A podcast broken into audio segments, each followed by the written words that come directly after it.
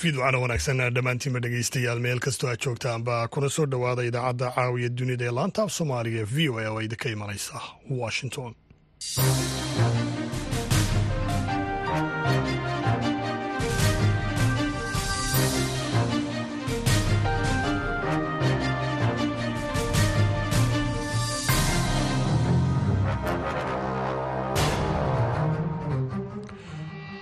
fiidnimo salaasaa taariikhduna ay tahay labayo tobanka bisha disembar ee sanadka laba kun iyo saddex iyo labaatan waxaad naga dhagaysanaysaan mawjadaha gaagaaban lix iyo tobanka iyo sagaal iyo tobanka mitirban iyo weliba guud ahaanba dunidood nagala socotaan boggayaga v o a somali com haataana dhegaystayaal saacadda afrikada bari waxay tilmaamaysaa toddobadii fiidnimo idaacaddana waxaa halkan idinkala socodsiin doona aniga oo cabdixakiin maxamuud shirwac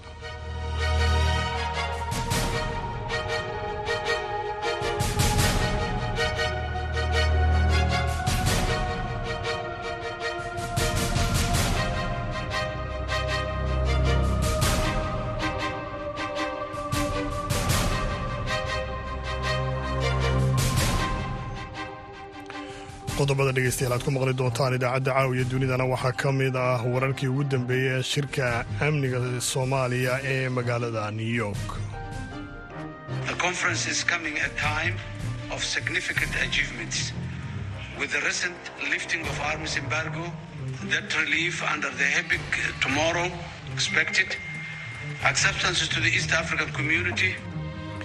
shirkan waxa uu imanayaa wakhtigii guulo waaweyn la gaadhay qaadistii cunaqabataynta hubka dayncafinta iyo weliba kubiirista beesha dhaqaalaha ee bariga afrika ee e c.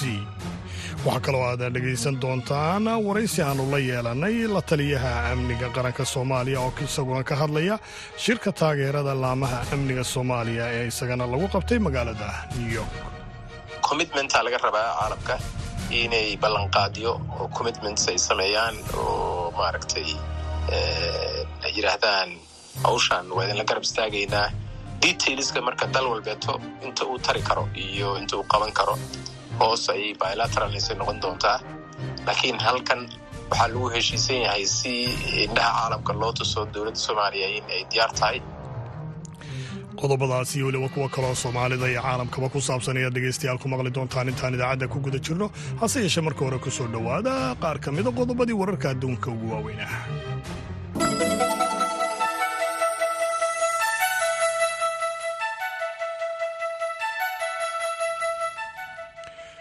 golaha ammaanka ee qaramada midoobey ayaa lagu wadaa inuu maanta yeesho kulan deg deg ah. Oo ay kaga doodayaan qaraar qabyo qoraal ah oo lagu dalbanayo in si deg dega xabad joojin bani aadamnimo looga sameeyo qasaa qaraarka ayaa cabiraya dareenka adag ee ku aadan xaaladda qallabsan ee bini aadamnimo ee ay ku jiraan amaba ay ku jirto marinka qasa. Iyo weliba dadka rayidka ah ee reer falastiin ee dhibaataysan iyadoo sidoo kalena uu xoojinaya baahida loo qabo in sharciga caalamiga ah uu ilaaliyo dadka rayidka ah ee falastiiniyiinta iyo weliba kuwa israa'iiliyiinta qaraarkan mid la mid ah ayaa golaha ammaanka qaramada midoobay ku guuldaraystay toddobaadkii hore kadib markii maraykanku adeegsaday codka diidmada qayaxan ee loo yaqaano vito power. Golaha guud ee qaramada midoobey ayaan isagu lahayn codka vitoga iyadoo qaraaradiisuna ay yihiin kuwo aan waajibin balse xambaarsan miisaan siyaasadeed kaarayaasha iyo weliba diyaaradaha dagaalka ee israa'iil ayaa duqeyn cusub ka fuliyey marinka qasa maanta iyadoo qaramada midoobeyna ay sheegtay in gargaarka u socda falastiiniyiinta uu ku beegmayo gaajo halkaasi ka jirta sababtoo ah xoogganaanta dagaalka u dhexeeya israa'iil iyo xamaas oo galay bishii saddexaada khanyonis oo ku taalla koonfurta qasa islamarkaana ah magaalada ugu weyn ayaa ciidamada israa'iil ay ka bilaabeen. Inay qaraacaan toddobaadkii hore iyadoo dadka halkaasi degan iyaguna sheegeen in kaarayaasha wax duqaynaya ay beegsanayaan bartamaha magaalada. Mid ka mid a dadkaasi ayaa sheegay in kaarayaashu gaarayaasha halkaasi ka howlgelaya ay howlgal ka bilaabeen subaxnimadii saaka. Jidka qasa ku yaalla ee mara guriga yaxya al sinaar oo hogaamiyaha xamaas. Towfiiq abubreka oo ah waayeel reer falastiina ayaa sheegay in sekada uu degan yahay ee ku taalla khanyonis la beegsaday iyadoo aanu helin wax digniin ah oo la xidhiidha duqayntan cirka ee israa'iil ay maanta ay ku burburisay dhowr dhisme islamarkaana keenay in ay dhowr qof ku dhintaan ugu dambeyntiina dalka ruwanda ayaa lagu wadaa in uu shan iyo tobanka bisha julaay ama toddobaad ee sanadka soo socda uu qabto doorashooyin madaxweyne iyo weliba kuwa baarlamaan. Sida ay maanta sheegeen guddida doorashooyinka dalkaasi iyadoo madaxweyne bool kigaamiga waddankaasi hogaamiyaana uu tartami doono markii shanaad. Kigaami oo haatan ay da-diisu tahay lix iyo lixdan jir ayaa dalkan qaaradda afrika ku yaalla bilaabadda soo xukumayey islamarkaana ku soo hayay gacan bira muddo tobannaan sannadooda iyadoo lagu dhaleeceeyey wax ka bedel laysu khilaafsanaa oo uu dastuurka ku sameeyey sannadkii laba kun iyo shan iyo tobankii. Wax ka bedelkaasi uu ogolaanaya inuu muddaxileeda kale u tartamo islamarkaana uu talada sii joogi karo ilaa iyo sanadka laba kun iyo afar iyo soddonka. Kigaami oo isagoo hore uu ahaa mucaarid amaba jabhad islamarkaana noqday madaxweyne bishii abriil ee sannadkii labadii kun ayaa sidoo kale waddankaasi soo xukumayay hogaamiye ka soo ahaa iyadoo uu soo gebagabeeyey amaba uu afmeeray. Xasuuqii waddankaasi ka dhacay iyo weliba murankii bulshada ka dhex taagnaa dhegeystayaal qodobadii wararka adduunka ugu waaweynaa waa naga intaa haatanna u diyaar garooba qeybaha dambe idaacadda caawa iyo dunida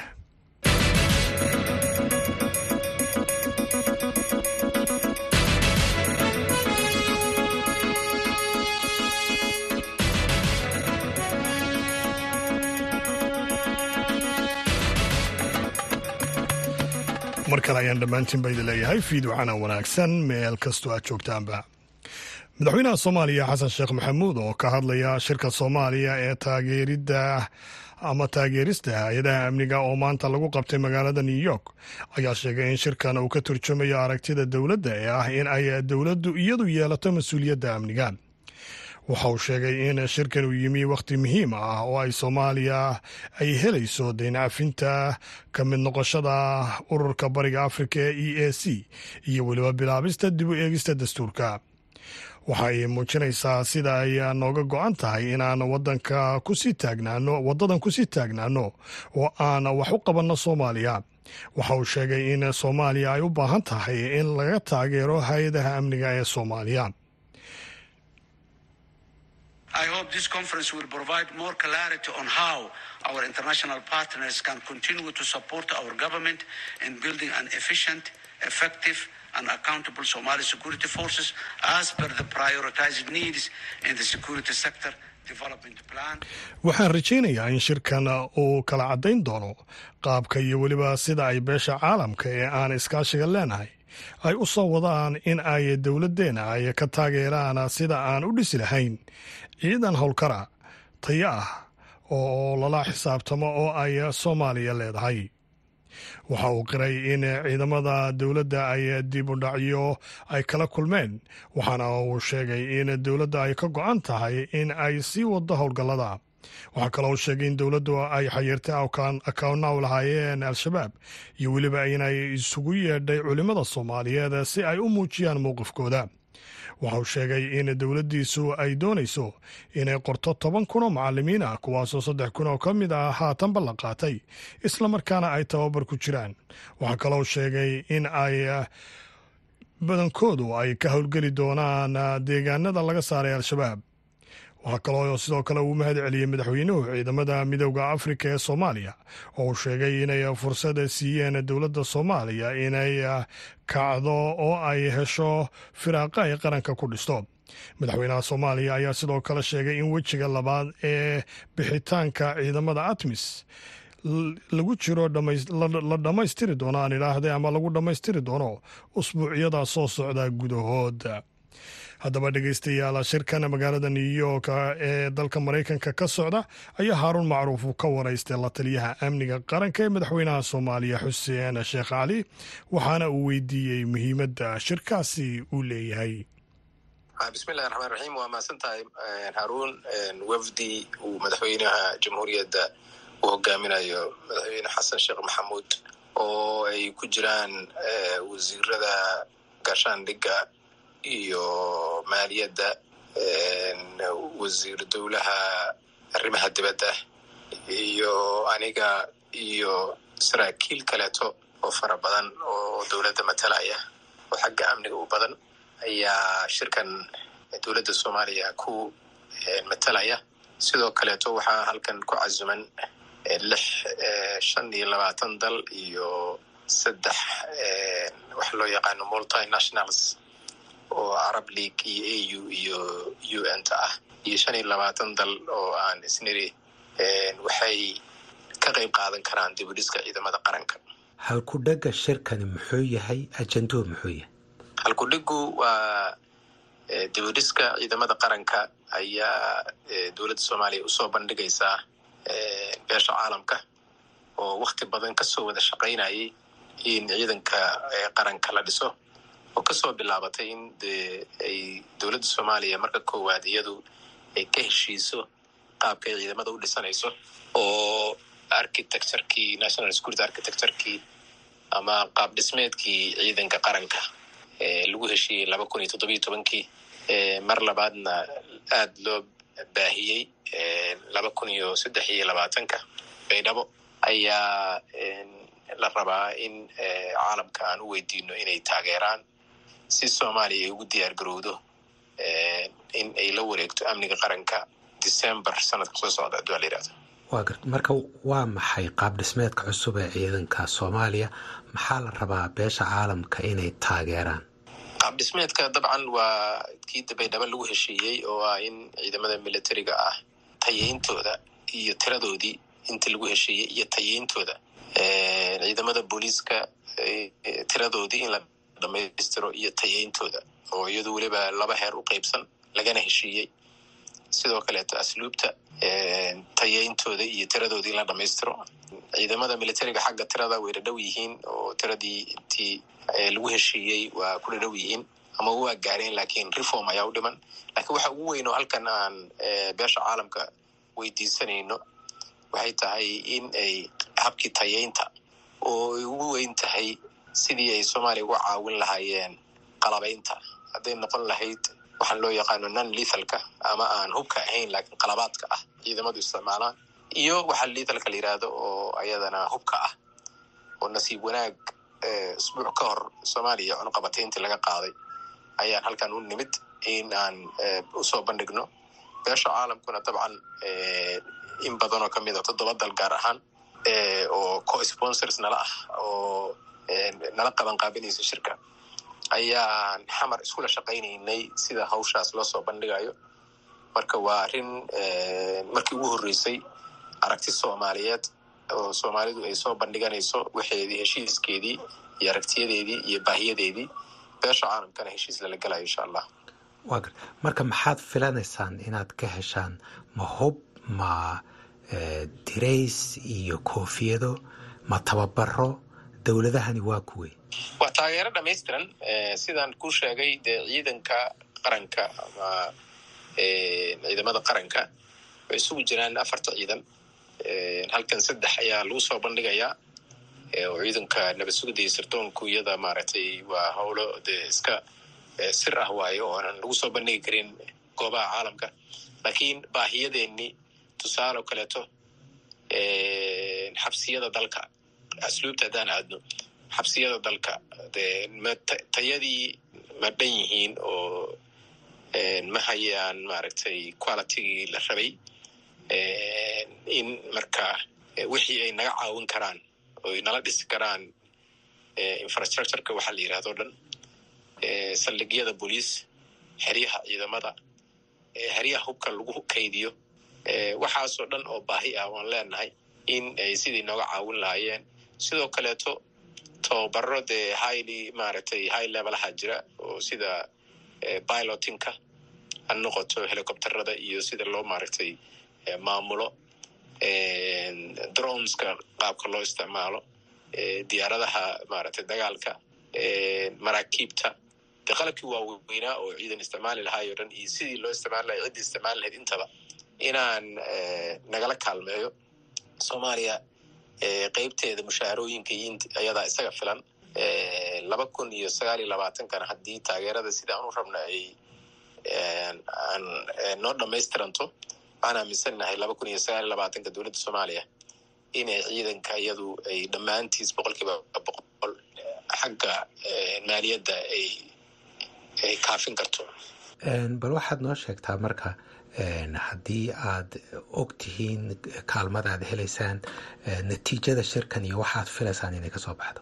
Natiijada de waa commitmenta laga rabaa caalamka inay ballanqaadyo oo commitments ay sameeyaan oo maaragtay ay yidhaahdaan hawshan waa idinla garab istaagaynaa. Detailska marka dal walbeeto inta uu tari karo iyo inta uu qaban karo hoos ay bilateralnasa noqon doontaa laakiin halkan waxaa lagu heshiisan yahay si indhaha caalamka loo tuso dowladda soomaaliya in ay diyaar tahay caalamkuna inuusan ka seexanin oo waktigii soomaaliya la garab istaagi lahaa in la joogo oo ay iyadu maaragtay isku tashanaysay oo ay shabaab iyada keligeed maaragtay sanad ka badan ay maaragtay meelo badan ka bax ka bixisay oo ka xoreysay dhul atmis ay kala wareegtay xarumo fara badan marka in maadaama soomaaliya xilligii iyada lagu wareejin lahaa mas'uuliyaddii lala hayay in beesha caalamku ay hadda arrintaas garwaaqsato investmentkii atmis iyo dowladaha ajaanibta iyo sharikadaha ajaanibta la siin jiray inay ka mudan yihiin in ciidan soomaaliyeed investment lagu sameeyo waa garta bilihii ugu dambeeyey ciidamo fara badan baad tababarteen bal naxasuusi annaga iyo dhegeystayaashaba qaab dhismeedkan cusub ee ciidanka inta ciidanka militariga noqonaysa booliiska asluubta. Waxaa lagu heshiiyey tirada namberada hadda lagu heshiiyey oo baahida markaas taagnayd laisla gartay waxay tahay in ciidamada militariga qeybta dhulka la yidhaahdo inay noqdaan soddon kun oo aysan ku jirin ciidamada cirka ciidamada badda iyo ciidamada la yidhaahdo special forceska oo kuwaasu gaari karaan anada toban kun oo kaleeto meelahaas gaari kara ama ka badnaan kara. Sidoo kaleeto ciidanka booliiska oo laba heer ah waxaa lagu heshiiyey in ay afartan kun oo ciidan booliisa noqdaan oo labada heer isugu jira. Ciidanka asluubtana sideed kun iyo shan boqol in ay maaragtay xabsiyadeena iyo inay ilaaliyaan ay ku filan yihiin dalkao dhan sidaasaa lagu heshiiyey tira ahaan. Laakiin gaab weyn oo xagga tayada ah ayaa jira. Gaabkaas ayaan halkan new york u joognaa. Marka ciidanka lugtu hadda ma ku dhow yihiin sidaad bidhaamisay warayska qaybihii hore? Soddonka kun may ku dhow yihiin hadda ciidanka lugta ee dowladdu ay haysato. Tira ahaan waa gaarsiisan yihiin actually waaba ka badan yihiin laakiin ciidankaasaa dee reform u baahan yahay iyo hubin in ciidanku maaragtay tayadii tababarka keliya iyo qofka askariga markuu tababar ka soo baxo tiradii waa buuxiye lama dhigi karo waxaa loo baahan yahay in askarigaanu wixii looga dan lahaa iyo dalka intuu u qaban lahaa inuu dhamaystiran tahay. Marka reform ayaa jira oo numberka hubin doona markii tayadii la raba la gaaro. Wagaaga dhegeystayaal kaasina wuxuu ahaa la taliyaha amniga qaranka madaxweynaha soomaaliya xuseen sheekh cali oo u waramayey haaruun macruuf isla wararka soomaaliya ayaan dhegeystayaal ku guda jirnaaye safiirka soomaaliya ee u fadhiya dalka etoobiya cabdilaahi maxamed warfaa oo la hadlay idaacadda v o a ayaa sheegay in dowladdu ay guula ka soo hoysay dagaalka ay kula jirto kooxda al-shabaab islamarkaana dagaalka lagu wiiqay kooxdaasi al-shabaab awoodeeda. Safiirka ayaa soo dhoweeyey cunaqabataynta hubka ee dowladda soomaaliya laga qaaday waxaana uu safiirku magaalada jigjiga ugu warramay waryahayaga maxamed cabdiraxmaan gata dabcan xidhiirka soomaaliya iyo etoobiya ka dhexeeya xidhiir bilowa maaha xidhiir soo jireyna waaye xidhiir ku dhisan daris wanaag saad la socota etoobiya iyo soomaaliya xuduudda ugu dheer ayaa ka dhexaysa saa daraaddeed waxaa waajiba in xidhiidho dhinacyo kala duwana uu dhex maro xidhiirkan marka ma aha mid diblomaasiyadeed keliya xidhiirka soomaaliya iyo etoobiya u dhexeeya waa xidhiidh ka guda weyn oo haddana meel fiican runtii maraya waa tahay dhinaca amniga markaan eegno amastore iyo la dagaalanka kooxda al-shabaab waxaan ognay in etoobiya ay ciidamo badan markaasi ka joogaan soomaaliya. Maxay tahay shaqadooda rasmiga ay qabtaan ciidamadaas ee ka jooga etoobiya iyo soomaaliya? Maxaytaad ka warhayso xidhiidhka dan dib ugu noqdo soomaaliya etoobiya keliya kuma eka mid xuduudaha layska kaashanayo waa xidhiidh ganacsi baa inaga dhexeeya xidhiidh oo culture exchange la yidhaahdo yaa inaga dhexeeya waxaa inaga dhexeeya xidhiidh defense iyo security-ga haddaba iyadoo laga ambaqaadayo treedka labada wadan soo wajahay oo la xidhiidha xarakooyinkan qarandumiska shabaab iyo waxa la halmaalaa waxaa waajib noqotay in layska kaashado sidii wadanka ama mandaqada howlgallada geeska africa looga qaban lahaa al-shabaab iyo kooxaha la halmaala iyadoo taa laga duulayo waxaana dhex maray heshiis iskaashi oo xagga difaaca ah oo kow ay ka tahay sidii argixisada looga dagaalami lahaa. Dowladda soomaaliya wakhtiga iyada ah dagaalka ay la bilowday al-shabaab waad ogeyd baarlamaanka soomaaliya ansixiyey in waddamada dariiska la kaashado si wadanka nabadgelyo loolaga dhigo. Kiibuu daba socdaa marka ciidamada etoobiya ee jooga. Waa ciidamo atmis hadda marka hore amisom ba ahayn lakiin hadda atmis ay ku joogaan. Waxayna u joogaan sidii ay uga qayb qaadan lahaayeen la dagaalanka al-shabaab. Hadda yani howlgallada ka socda ee markaasi soomaaliya ee dhanka la dagaalanka al-shabaab ee wejiga koowaad oo kale qeyb ma ka yihiin markaas ciidamadaas etoobiya sidaad la socoto soomaaliya dowladda markay xukunka la wareegtay priority dowladda xasan sheekh maxamuud madaxweynaha soomaaliya ra'iisul wasaare xamse cabdi bare waxaa ka go-an oy priority number one ka dhigteen sidii wadanka looga xoreyn lahaa al-shabaab si dadku u noolaadaan oo ay ugu noolaadaan nabadgelyo iyo muxuu ahaa xagga dhaqaalihii iyo xoogga loo saari lahaa. Haddaan la helin marka nabadgelyo waxaan kaloo dhan ma ma ma suurtoobayaan iyadoo taa laga duulayo dowladdu dagaal waxay ku bilowday shabaab. Waxaa priority la saaray gobollada dhexe oo face one uu ku bilaabmay dagaalka oo ah hiiraan ilaa galmudug dhulkaas. Waa lagu guuleystay shabaab runtii dhaawac weyn baa la soo gaarsiiyey. Magaalooyinkii badankood toddobaatan iyo shan magaalo laga xoreeyey. Meelihii saldhigyada u ahaayo dhan waa la burburiyey. Marka waxaan dhihi karnaa face one wuxuu ahaa guul weyn oo soomaaliya u soo hoyatay iyo guuldarro u soo hoyatay al-shabaab oo wadanka laga tirtiray. Face two waxay bilaabmaa insha allah bishan december kaas oo ah more comprehensive oo looga decisive ah oo looga saarayo al-shabaab wadanka o dhan biidni illahi tacaala waa tahay mudane safiir dabcan ma is leedahay dagaalkan hadda socday ee markaasi lagula jira al-shabaab waa looga adkaan karaa? Maxamed hosaan kuu sheegay dagaalka wejigiisii koowaad soomaaliya guulo waaweyn ka soo keentay.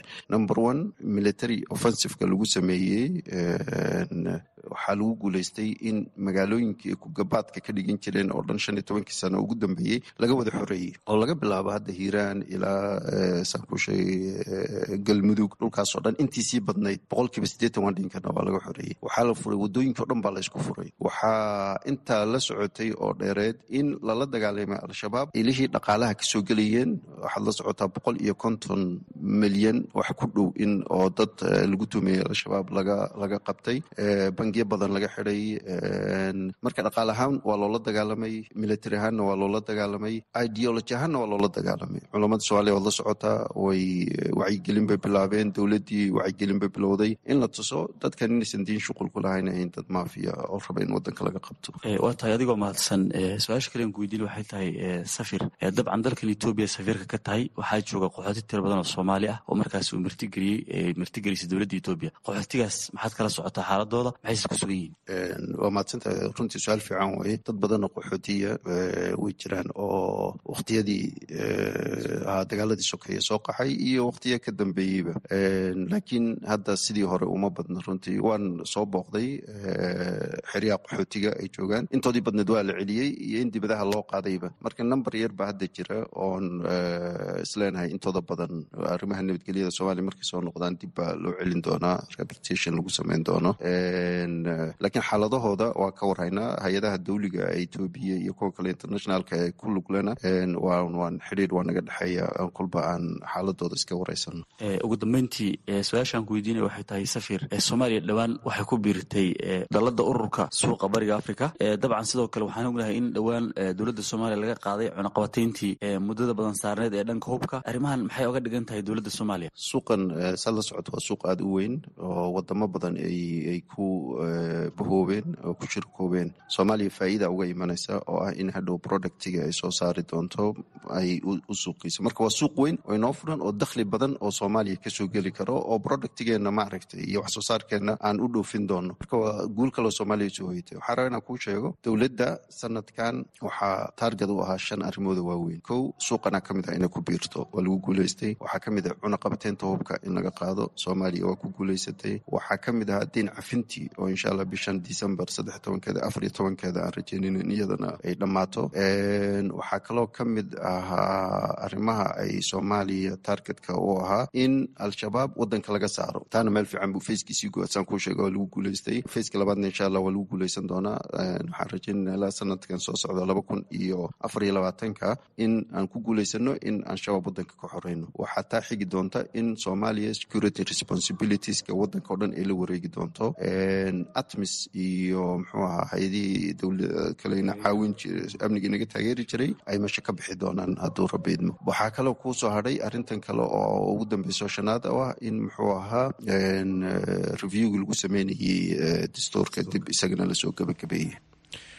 Wagaaga dhegeystayaal kaasi wuxuu ahaa safiirka soomaaliya u fadhiya itoobiya cabdulaahi maxamed warfaa oo u waramayey waryahayaga maxamed cabdiraxmaan gata dhinaca kalena golaha loo dhan yahay ee qaramada midoobay ayaa lagu wadaa inuu yeesho kulan deg deg ah salaasadan maanta kaasoo uu kaga doodi doono qaraar qabyo qoraal ah oo lagu dalbanaya xabad joojin bani aadamnimo oo si deg dega looga sameeyo qasa warbixin ay arrintan v o a ka qortay waxaa inoo soo koobaya jamaal axmed cismaan. Qaraarka ayaa muujinaya walaac xoogan oo laga qabo xaaladda bini'aadamnimo iyo musiibada ee marayka gaza iyo silaca dadka rayidka ee falastiiniyiinta wuxuuna adkaynayaa baahida loo qabo in la ilaaliyo rayidka israa'iil iyo falastiiniyiinta labaduba iyadoo loo marayo sharciga caalamiga. Qaraarka ayaa ugu baaqaya dhammaan dhinacyada inay u hoggaansamaan shuruucda caalamiga waxayna qaraarku uu iftiiminayaa ilaalinta rayidka marka loo eego sharciga caalamiga iyo bini'aadamnimada. Waxaa sidoo kale qaraarku uu dalbanaya in si deg dega loo sii daayo dhammaan lahaystayaasha waxaana uu ku baaqayaa in la xaqiijiyo gargaar bini'aadanimo qaraarkan la mid ah ayaa ku guuldaraystay golaha ammaanka ee qaramada midoobay isbuucii hore sababo la xiriira diidmada vitoga ee maraykanka haddase ma jiro wax diidmaa oo ka tirsan golaha loo dhan yahay halka go'aamada golaha loo dhan yahay ay yihiin kuwo aan dhaqan gelin. Mararka qaarkood haddana waxay wataan miisaaniyad siyaasadeed. Afhayeen u hadlay wasaaradda arrimaha dibadda maraykanka matthew miller ayaa sharaxaad ka bixiyey. Diidmada maraykanka qaraarka golaha ammaanka xilli uu warfadiyeenka u sheegay isniintii. Waxa uu yidhi waxaan si cad u sheegnay inkastoo aan taageersannahay in arrimo bini-aadnimo darteed loo joojiyo howlgallada. Haddana xabad joojinta qaar waxay u ogolaanaysaa hoggaanka xamaas ee qorsheeyey weeraradii toddobadii oktoobar inay sii wadaan qorshayaashooda mustaqbalka ay gaza ka soo abaabulayaan. Taasina waa mid aan la aqbali karin ayuu miller warkiisa sii dabadhigay iyadoo la filaya in kulankaasi uu dhaco ayaa dagaal haddana waxa uu ka sii socday marinka gaza halkaas oo ay ka jireen duqeymo cirka israel ay ku bartilmaameysanayso koonfurta gaza. Militariga israel ayaa sheegay in weerarka cirka ujeedkiisu yahay in lagu bartilmaameysado goobaha gantaalada laga soo tuuro ee gaza waxaana ciidanku uu sheegay in ciidamada lugta ay heleen ilaa iyo laba boqol iyo konton gantaal hoobiyaal iyo baasuukiyaal inta uu socday weerarka. Wagaag dhegeystayaal aad iyo aad ayuu mahadsan yahay. Jamaal axmed cismaan oo inala socodsiinayay warbixintaas ay qortay v o a haatana dhinaca iyo dalka yeman oo xuutiyiintu ay sheegeen salaasadan maanta inay qaadeen weerar gantaal loo adeegsaday oo lala beegtay amaba lala eegtay markab laga leeyahay dalka norway oo ah maraakiibta ganacsiga. Haddaba weerarkan ayaa la xidhiidha markabkaasi. Iyo weliba wakaalada aan idhaahda markabkaasi la xidhiidha ayaa wakaalada wararku wararkii iyo warbixinada ay ka qoreen waxaa warbixinta inooga diyaarisay sahra cabdi axmed sida ay qortay warbaahinta v o eda gantaal laga soo riday dhulka xuurtiyiintu ay maamulaan. Talaadadan maanta ayaa bayaan ay sheegteen waxay ku sheegeen in gantaal ay tuureen lala helay markabkii siday calanka norway oo marayay marinbiyoodka baabul mandab taliska dhexe ee ciidamada maraykanka ee magaciisa loo soo gaabiyo centicom ayaa bayaan uu soo saaray. Waxaa lagu sheegay in weerarkaasi uu sababay in dab uu ka kaco markabka sarinda balse aysan jirin cid wax ku noqotay oo la soo wariyey. Taliska dhexe ee maraykanka waxaa kaleeto oo uu sheegay in gantaalkani uu ahaa gantaalada lidka maraakiibta taasi oo keentay in lagu dhuftay markabkan oo marayay marinbiyoodka isku xira gacanka cadmeed iyo badda cas ee baabal mandab dhinaca kaleeto sida ay qortay wakaalada wararka ee reuters markabkan sarinda ee ganacsiga ah ayaa waday saliidda ceeriin oo dhulka israa'iil laga leeyahay inuu geeya halkaasi loogu talagalay iyadoo shaqaalaha markabkaasina ay iska dhega tireen ayaa lagu yiri bayaanka ay soo saareen xuurtiyiinta digniinihii ay u jeedinayeen. Sidaasina waxaa yiri afhayeen military oo xuurtiyiinta ka tirsan lana yiraahdo yaxye saya hase yeeshee milkiilaha markabkaasi oo shixnada ganacsiga awaday ayaa sheegay in markabkan uu ku wajahnaa dalka talyaaniga shixnad ganacsina uu u waday halkaasi. Ma aysan qorsheyneyn ayuu yiri inuu ku joogsado israa'iil sida uu sheegay afhayeenka u hadlay shirkadaasi ee la hadlay wakaalada wararka ee reuters xuurtiyiinta ayaa gudaha u galay dagaalka israa'iil iyo xamaas kaasi oo ku faafay gobolka tan iyo oktoobar toddobadeedii.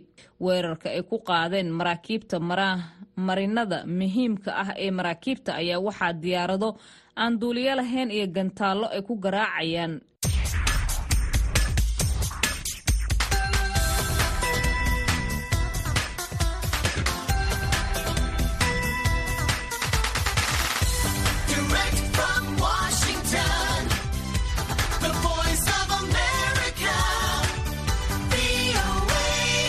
fiid wanaagsan dhegaystayaal ku soo dhowaada barnaamijka todobaadlaha ee caweyska dhadhaab kaas oo idinkaga imaanaya la'aanta afka soomaaliga ee v o a ra'idooga xeryaha dhadhaab.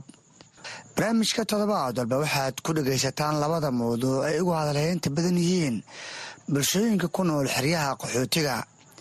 Iyadoo dhegaystayaasheenna dhadhaab iyo deegaanada ku xiran ay si toosan uga dhagaysan karaan idaacadda fm-ka v o e da dhadhaab ee ka soo gasha mawjada fm-ka hal ibir lix dhibic todoba megahartis barnaamijkeena caawa qodobada aad ku maqli doontaanna waxaa ka mid noqon doonaa qaxootiga ku nool xeryaha dhadhaab ayaa si diiran u soo dhoweeyey hoosu dhac ku yimid qiimaha qudaarta suuqada xeryaha oo toddobaadyadii tegay lagu iibsanayay. Qiimo aada u sarreeyo. Sidoo kale barnaamijka waxaad ku maqli doontaan dhalinyarada qaxootiga ah oo ka hadli doona waxbarashada bilaashka ay ka heleen xeryaha iyo muhiimadda ay u leedahay in aqoontooda ay dib ugu celiyaan dalkooda hooyo. Kaba marna xubintii shaqsiga oo toddobaadkan aan ku wareysan doono fanaan da'yar oo ku nool xeryaha oo ka hadli doona hebadiisa faneed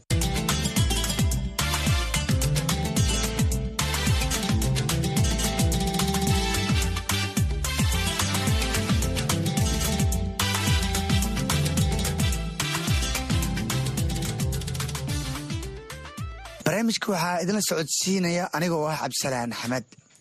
Bishii tagtay xeryaha dhadhaab ee dalka kenya waxaa ka dhacay rababkii dayrta oo si lixaadla ugu horay guud ahaan dalka.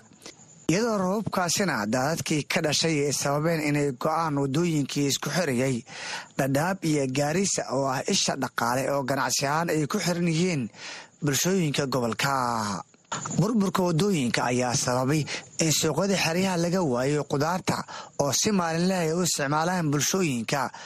Waxaana qudaarta yar ee sida qardajaaxa ku soo gaaraysay xeryaha lagu iibsanayay qiimo aad u sarreeyo taas oo si toosa u saameysay bulshooyinka xeryaha. Haddaba maalmo adag kadib suuqyada xeryaha waxaa soo gaaray qudaarta taas oo si weyn u soo dhoweeyeen bulshooyinka qaxootiga ah cabdirashiid sheekh maxamed wuxuu ka mid yahay qaxootiga xeryaha. Wuxuu ka waramayaa hoosudhaca ku yimid qiimaha qudaarta iyo qayba ka mid ah raashinka waan ku dhowahay waxaan aad iyo aad ugu faraxsannahay ilaahay aanu ugu shukrinaynaa in maalintii horeeta maciishadu ay aad noogu qaaliyowday haafka burkaa uu nagu tegay laba kun iyo toddoba boqoloo shilin buu nagu tegay. Hadda alxamdulilaahi rabbilcaalamiin ilahay baa mahad iskale shantii beri oo roobka uu naga kala yarqaaday. Waxayna tagtay boqoloo durba tegey hoos buu u degay qudaartiina way noo raqiistay oo sidii horeeto kiiladii yaanyada awal maalin dhexdaas waxay nagu gaadhay. Ilaa bay nagu tagtay. Hadda saagalabta waxaa lagu soo gaday boqol shilnaa lagu soo gaday. Baradhada oo iyadana looba dhowaan waaya la iskaba caagayba oo mataqaanaa maraq digaag lagu dirsanaya cuntada. Keligiis hadda maanta waxaa lagu soo gaday iyadana boqol shilin baa lagu soo gaday. Hilibka ayaa maanta laakiin weli halkiisi taagan oo dadkii reebaadiyahabaa waxoogaa yar fogfog oo biyaha iyo meelaha godanka ah ka baxay oo banaanaha kore u baxay. Welina aan noo soo dhowaanin oo xoolihii baan weli noo soo dhowaanin. Suuqii baa weli xoola la'aan ka jirtaa sida ay dadka kawaaleydaa sheegeen. Sidaas daraaddeed xoolihii baa hilibka weli qaali nagu ah. Sida briiski iyo sonkorta waa qaali laakiin burkii iyo saliiddii iyo qudaartii iyo waxaa hadda way qaboobeen hoos bay u degeen. Marka ilahi baa lagu mahadiyaa ilahi baan ku mahadinayna dad danyar oo masaakiin oo waxbaba goyn karin aad u danyar ah baa meesha degan siiba dad qaxooti oo cusub oo waxaa jira hadda maradhow soo galay oo mataqaanaay meel buulabakti la yidhahda iskaba degan baa jira oo masaakiin oo waxbaba haysanin. Maalinkii hal boqol shilin kenya wax ka sii yar ku nool maalinkii baa jira. Marka sidaas daraaddeed ma dhibkaasaa jira ilahay waa noo waayahay bal ka waran qiimaha hilibka iyo dabcan sida uu yahay geele ariga. Hilibka ariga kiiladii waa ku shilin ku shilin baa la gadayaa rubicii laba boqol iyo konton shilin iskiilo shan boqol kiiladii kun shilin buu noqonayaa. Kan geela marka asaga waa sideed boqol oo shilin. Sideed boqol waa kiiladii sideed boqol oo shilin. Marka saas aad buu u sarreeyaa absalaan wallaahi hilibka aad buu u sarreeyaa. Maxay tahay sababta marka qiimaha hilibka sarookacan ku keentay? Dadkii reer baadiyaha baa macnaha la waayey oo maqan oon weli imaanin laakiin weli hareeraha anaga lagihii oo macnaha toogii iyo wixii mataqaanaa laagihii korka anaga marahaya oo dhan baa biyo wada. Marka xooluhu meel ay soo maraan oo wadda saxa oo ay soo qaadaan ma jirto. Sidaas daraaddeed xoolihii way fog yihiin oo markii horena biyaha meelaha godanka ee dhulhoosaadka ah ee bannaanka ooga baxeen. Marka weli ma soo dhowaanin xoolihii saasaa keenaysa suuqi marka waa iska cidlo cidlo. Aad ba u mahadsan yahay kaasina wuxuu ah cabdirashiid sheekh maxamed oo noogu warramay gudaha xeryaha dhadhaab ee gobolka waqooyi bari. Dhinaca kale qaar ka mid a haweenka qaxootiga ah ee ka ganacsada qudaarta ayaa dib u bilaabay inay ka ganacsadaan qudaarta kuwaas oo maalmihii tegay ahaa xaafad joog maadaama qudaarta si toos ah aysan u soo gaarin suuqada xeryaha.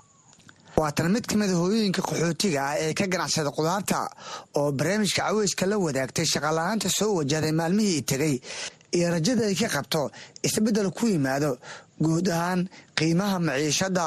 Walba anagu dad iska qaxootiyo xere iskaga jiraan hayn. Marka wax noo soo gelaya male albaabadii waa la xiray ganacsigu waa la xiray.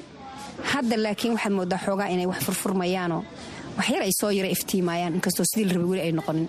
Waa tahay idinka ganacsigiina muxuu ahaa? Annaga waxaanu gedi jirnay qudaar iyo baan iska gedi jirna boogan gadnaa. Marka haddee qudaarna waa wax iska qoyanoo marna la helo marna la waayo markii jidkii waxayse waa la waayey dadku raasumaal kalena ma lahayn. Waa wax qutulduruuri oo maalintaa la helo uun la isticmaalayo. Marka dee waan guryaha iska seexseexanay jawaan maba la xisaabi karo. Kiiladii afar boqol oo shilin yaanyada afar boqol bardhada afar boqol basasha lix boqol aa la gadaay. Marka dee dadkii waxaan gadanayna waa la iska dhaafay. Xabad xabadoon baa iska gadatay. Waana la waayay markii dambe. Suuqa qudaartuna wuuba xirmay.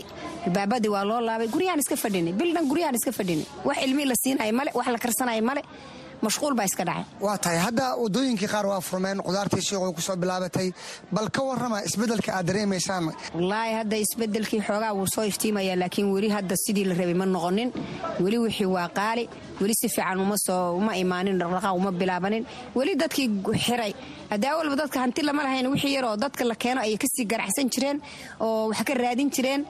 Isbedel weyn baa muuqanaya. Aad baan hadda niyadu noogu dhisantay hadda inay xoogaa noo soo jabto ayaan jecelna wallaahi dad dan yara oo dhibaataysan baa jiray oo noo imaan jiro. Xabadaha yaanyada aan siin jirnay ooy karsanayaan. Haddee maxay haystaan? Dadkaas waaba u dhammaatay. Awalba waxaan haynaa wax ka siin jirin. Haddana hadee waaba bes bagaajay u bakhtinayaan. Daadad baa dhacay. Dadkii guryi waa laga barakacay. Guri masquuli way ka dumeen. Dhib badan baa soo gaaray. Laakiin hadda insha allah biidnillaahi kariim khayr baan rajaynayna macaishadu wax weli wax raqiisay ma lehe. Sonkortii weli hadda waxay maraysaa toban shan kun shan kun haafkii baa maraya loorkii wuxuu marayaa toban kun. Wax isbedela ma leh. Marka waa ilaahay khayr ha keeno khayr alla ha keeno. Ha insha allah isbeddel baan rajaynaynaa ilaahay rajadiisa lagama quusto. Marka rajo fiican baan iska rajaynaynaa aad bay umahadsantahay taasina waxay ahayd hooyo qaxooti ah oo ka ganacsata qudaarta oo noogu warantay gudaha xeryaha dhadhaab ee gobolka waqooyi bari. Marka laga tago culayska ay la kulmeen haweenka iibiye qudaarta waxaa xeryaha ku nool kumanaan qoys oo danyar ah kuwaas oo nolol ahaan ku tiirsan xoogsiga maalinlaha ah. Aasiya cali juuma oo ka mid ah haweenka ka shaqaysta dhardhaqaalka ayaa ka warramaysa isbeddelka maciishadda iyo saameynta uu ku yeeshay qoyska danyarta ah iyadoo xeryaha ay ku nool yihiin boqolaal qoys oo aan helin adeega samafalka ay bixiyaan hay'adaha kuwaas oo aan u diiwaan gashayn hay'adda u n z r. Qaabkan u shaqeeya alaabaan dhaqaa gurigan haaqaa dharkan dhaqaa marka ilmahay saas baan ku korsadaa ani. Marka raashinkii roobkaa imaade biyihiiyaa imaadeen jidka waa xirmeen marka noloshii dhanaa naga adkaataybo qudaartina qaali ay noqotay waaba la waayaybo hilibkan soo gadanayna oo qaaliga ah laba boqol dharaanku soo dhaqaa hilibaan soo gadaa. Bariiskii kista yar oo idiyaashi aa loogu karina ilmihii. Qudaartii afar boqol ay gaarte. Afar boqolna ma haysano masaakiin aan nahay. Maalintii laba boqolaa soo hashi. Afar boqol intee ka keeni way? Waa maya marka labadii boqola wixii allaan soo helno waan karsanaynaa saasaan ku nooleena marka baliis qalalan iyo saliid aday wax yar tas loogu siina intii mungo oo wax laga helay. Bal hadda mungo alxamdulilah waan isku roognahay ilaaha ka mahdayaana ku shukriyaana marka qudaarti hadda waa inoo imaate hadda alxamdulilah raashinkiina oo inkastoo kor jiray wax yarka hoosaa noogu soo dhace bal ka waran nolosha qoysaskiinan danyarta ah xilligan oo sicirbarad uu jiro oo culays badan oo guud ahaan ka jira xeryaha. Danyarta aad iyo aadaan liidsante shinkii oo qaadanana ma noogu filno. Unuga aanaa rawaa wax kastaa rawaa. Jakuulana waxaa la dhahay laba boqol. Laba boqol maxaa goyni way marka. Ada dantayna waa weli waa iska liidsanta dadkan u shaqaynanana lacag ma haystaan marka ada labadii boqol oo usa haasta boqola kaasiina adina waa maanta dhan ugu shaqayni waxaasaa lagu nooli. Marka ilaahay noolal allaha noo keeno. Aad bay u mahadsantahay taasina waxayd aasiya cali juuma oo ka mida qaxootiga danyarta ah oo ka warantay saarbararka ka jira xeryaha iyo saamaynta uu ku yeeshay qoyska danyarta ee ku nool xeryaha dhadhaab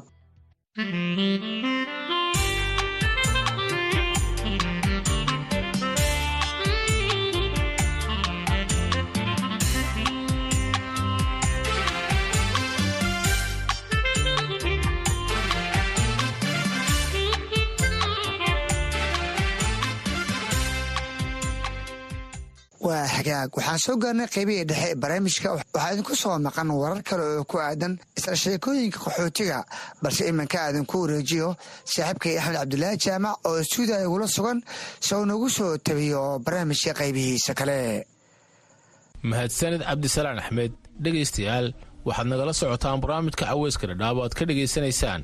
Laanta afka soomaaliga ee idaacadda v o a waxaana uu barnaamij si toosa idinkaga imanayaa xeryaha dhadhaab ee gobolka waqooyi bari ee kenya ku soo dhowaada warbixinno kale oo la xidhiira nolosha dadka ku nool xeryaha qaxootiga oo qayb ka ah. Barnaamijka caweyska dhadhaab ee toddobaadkan. Waxaa ka mid a qodobada aad ku maqli doontaan xubintii shakhsiga oo toddobaadkan uu marti noogu yahay. Daa'uud maxamed oo ah fanaan da'yaroo ku nool. Mid ka mida dalalka qurbaha haddase booqasho ku jooga xeryaha qaxootiga ee dhadhaab oo aan ka waraystay hibadiisa dhinaca fanka iyo waxa heesihiisa afka soomaaliga ahi ay ka taraan dhaqanka iyo afka dhallinyarada soomaaliyeed ee qurbaha ku wada nool yihiin. Waxaad kale oo maqli doontaan dhallinyarada ku nool xeryaha qaxootiga ee dhadhaab oo ka hadlaya waxbarashada tayada leh ay ku heleen xeryaha qaxootiga iyo sida ay u jeclaan lahaayeen inay aqoontooda uga faa'iideeyaan dadkii iyo dalkii hooyo ee soomaaliya. Haddii aan ku bilaabo dhegaystayaal xubinta shakhsiga daa'uud maxamed oo ku magac dheer daa'uud indhayare waa nin dhallinyaro ah oo hore qoyskoodu ay ugu noolaayeen xeryaha dhadhaab isagoo aad u yar ayaa qoyskoodu fursad dibudejina ka helay dalka maraykanka halkaa oo ku barbaaray waxna ku bartay. Daa'uud hadda waa fanaan ku heesa afka soomaaliga waxaanuu hadda booqasho ku joogaa xeryaha dhadhaab. Daa'uud ayaan ka waraystay hibadiisa dhinaca fanka iyo waxa heesihiisa afka soomaaliga ah ay ka taraan. Dhaqanka iyo afka dhallinyarada soomaaliyeed ee ku wada nool yihiin gobolka uu degan yahay waxaana uu waraysiga ku bilaabayaa sida uu fanka ku soo galay. Waaga hore oo heesooyina iska qaadi jiray oo wax balaybaaga iska sameyni jiray qase yarana iska qorani jiray. Marka hadda waxaan dhahay inkastoo hadda wiil walaalkaada aad baratay ogwaankaada uu yahay ninkan ha ku garab xiro markaa asagana garab ha ku siiyo marka heesaha saasaan ugu soo biiray inkastoo hadda garab aan haysto waan ku mahad celina asagana habeen maalin markuu ku mahadsan yahay haweenkiina waxaa la dhahaa magaciisa mudane cabdulaahi baabeed. Hees adigu aad leedahay oo laxankeedii wixii lagaaga horreynaa qaado cabdulaahi baa kuu sameeyey miya ha ha ha asagaa cabdulaahi ii sameeyey. Heesta ugu horreysay blayback aan ahayn magaceeda waxaa la dhahaa godob jecel laxankii iyo miryadii iyo ereyadii kulligii asagaa ii sameeyey. Nin waxaa tahay dhallinyaro ah oo nasiib u helay inuu wadanka dibadiisa ku noolaado waxaad ku nooshay wadanka maraykanka. Inaad adoo maraykan jooga oo wadankii ka maqan aad heesihii soomaaliga jeclaato oo dadku la leeyahay dhallinyarada dhaqan kale jecel yihiin heesa ingiliishka inay qaadaan ay jecel yihiin hadday fanaan noqonayaan af soomaaliga bay ka faanayaan. Sababta xilligan adiga kugu kaliftay inaad luqadaadii iyo dhaqankaagii aad dib ugu soo noqoto oo luqadaadi aad xiisayso oo afkaaga aad ku heesto maxay tahay? Horta waagii hore meesha aan ka tegay wiil yaraan ahay. Markaan kurbadda kor maraykanka aan tegay haddanana luuqadii zaa'id oo ingiriiska aan u sii bartay ma jecleen inaan ingiriiska luuqadeeda soomaaliga inay iga dhunto ma rabin marka ingilishkan aan u badnaay. Hadda hataa waa ka dareemi kartaa hala yar oo inaan aan tataabanayo oo luuqada soomaaliga hataa wax yaryar way dhidhibaysaa. Marka waxaa igu kalifse inaan aan dib u soo noqdo aan is xasuusiyo inaan ku heesi karo inaan aan wax aan ku ammaani karo ama inaan luuqadeyda aan hilmaamin ayaan dib u soo noqday inaan hadda aan ku heeso bale aan u soo noqono heesta godob jacayl ee midhaheeda iyo qisadeeda geed caleen ka soo go'ay lalalan gobolo ma fidiyey wadiga weyse gabar yahay gaarkay haymaanin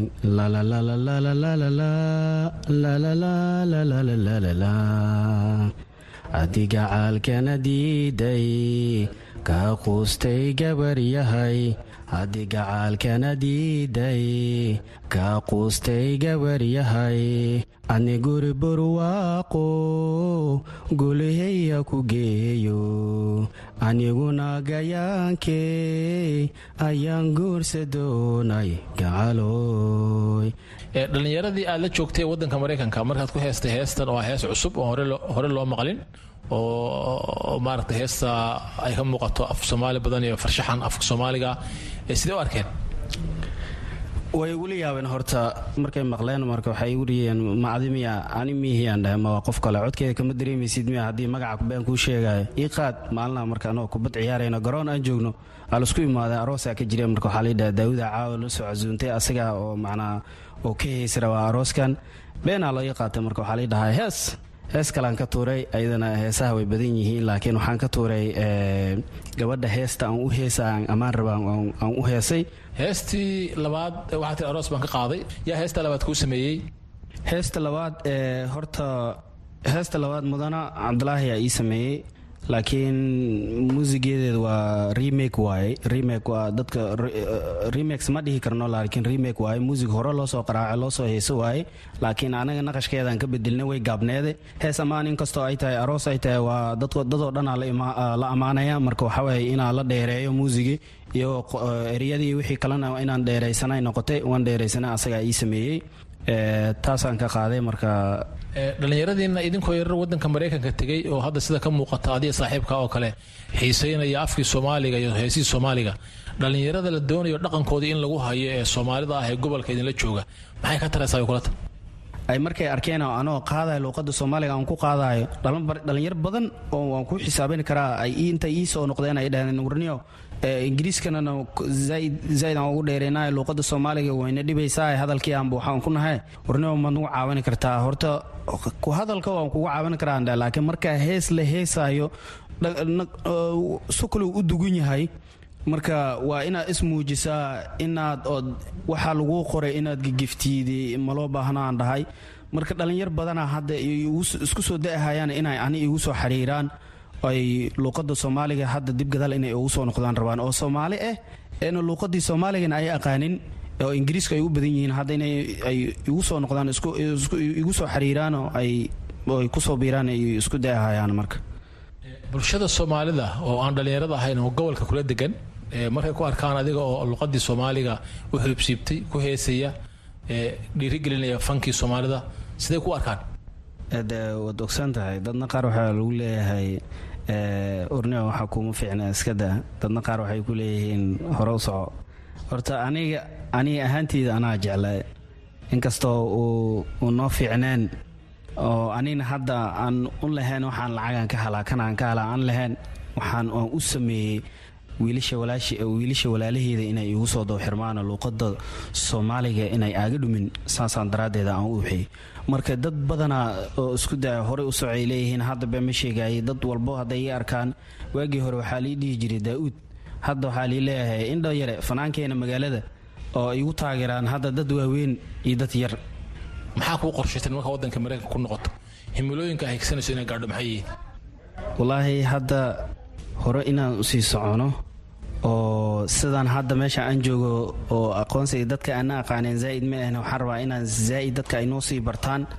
Ninkan inkastoo uu caan uu ku yahay oo magaalada wadanka kenya xagardheer hadduu caan ku yahay oo anigana xaggaa caan ku yahay marka waxaan rabaa hore inaan u sii socono oo meel sare kale sii gaarno meesha hadda aan joogno maahe meel kale inaan sii gaarno ani waxaama jeclaan lahay maanta inkastoo ani ani oo faryaha aan ka hadli karo oo asagana ogwaan iyuu yahay waxaanba jeclaan lahaa gruub gruub isku xiran oo sidii hadda qoxfaneed inaan ka dhigaanba jeclaan lahay oo la dhaho gruubkaas maya fanaankiisoo socdo ogwaankiisoo socdo muusikii ayagoo dhan isku xiran gruub isku xiran waa walaa gruubkaas inaan meel meel sare inaan ka dhigaan rabaa insha allah kaasi waxa uu ahaa daa'uud maxamed fanaan da'yar oo marti igu ahaa xubinta shakhsiga oo qayb ka ah barnaamijka caweyska dhadhaab ee toddobaadkan. Xeryaha qaxootiga ee dhadhaab dadka ku nooli waxay u badan yihiin dhallinyaro ku dhashay xeryaha qaxootiga ama iyagoo aad u yaryar soo galay ku koray kuna dhammaystay waxbarashadooda dugsiga sare iyo qaarkoodoo gaarayba heerar jaamacadeed.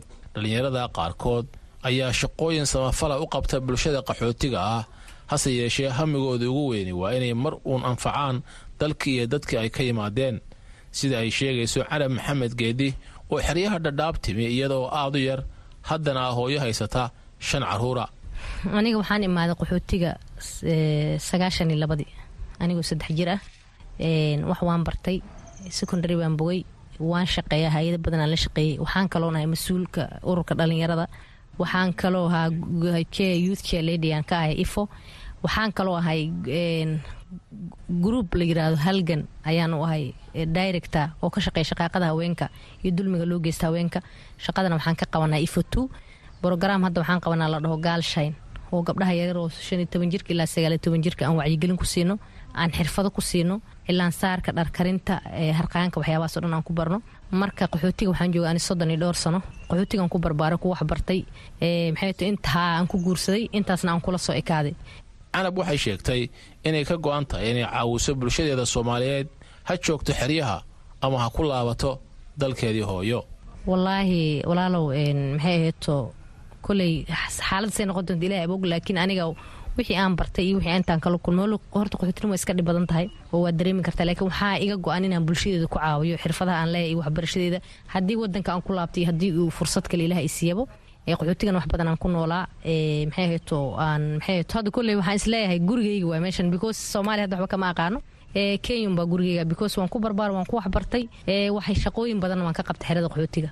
Axmed cumar ibraahin oo ka mida dhallinyarada nasiibka u yeelatay inay waxbarasho sare ku helaan xeryaha qaxootiga ayaa ka hadlaya xilliga uu xeryaha yimi iyo hamigiisa ku aadan inuu maalin uun wax ka bedelo xaaladda uu ku sugan yahay dalkii uu asaal ahaan ka soo jeeday ee soomaaliya. Aniga waxaan imaaday qaxootiga anoo gurguurinaya ii markaas waa hal sanaan jiray. Kadib waxaan bilaa waxbarashada qaxootiga iskuulka bernaan ka bilaabay meeshaas oon aan ilaa heer jaamacadeed ka gaaray waxaan ka soo baxay jaamacadda mo university digriga koowaad. Shahaadada igu koowaad ee jaamacadda waxaan ka bartay caafimaadka bulshada waxaan qaatay ilaa saddex diblomaan haystaa haddana waxaan la shaqeeyaa hay'adaha ka howlgala xeryaha qaxootiga hadda muhiimadda ugu weyn oo halkan aan u joogo markii jaamacadda aan ka soo baxay inaan shahaadadii laba sameeyo kenyaan rabaa kadib aan wadankii ku laabta sifa wax tar leh waxaan soo bartay inaan wax oo faa'iideeyaa maxamed cali cabdulle oo ah labiyo soddon jir ku dhashay xeryaha qaxootiga waxbarasho ilaa heer jaamacadeedna kaga baxay kenya waxa uu qabaa inaan weli dalka soomaaliya joogin heerkii ay ku laaban lahaayeen kuna caawin lahaayeen dadkooda aqoontii ay ka barteen xeryaha qaxootiga. Waxaan filaya qaxooti fara badan fara badan ama xaga dheer ha ka laabtaan ama dhagaxli ha ka laabtaan ama ha ka laabtaan dib u laabtay. Sanadihii la soo dhaafay. Qaxootigii dib u laabtay hal kuma harin soomaaliya. Dhammaan way soo laabteen. Waatan hadda micnaha sababtay in ifotu la furo. Kaambe cawsna la qorsheynaya in dhawaan la furo. Taasaa marka waxay kutusaysaa in ififaalo wanaagsan oo dib wadanka looga laabto inaysan jirin.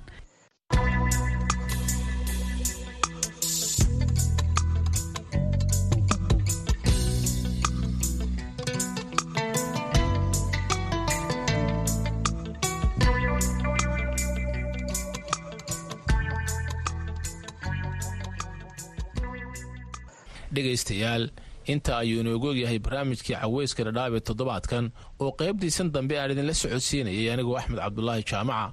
Intaasi aanan ka bixin aan mar kale dib idinku celiyo cabdisalaan axmed cabdisalaan oo barnaamijka ila daadihinayey mahadsaned axmed dhegeystayaal haatanna nala dhegaysta heesta barnaamijka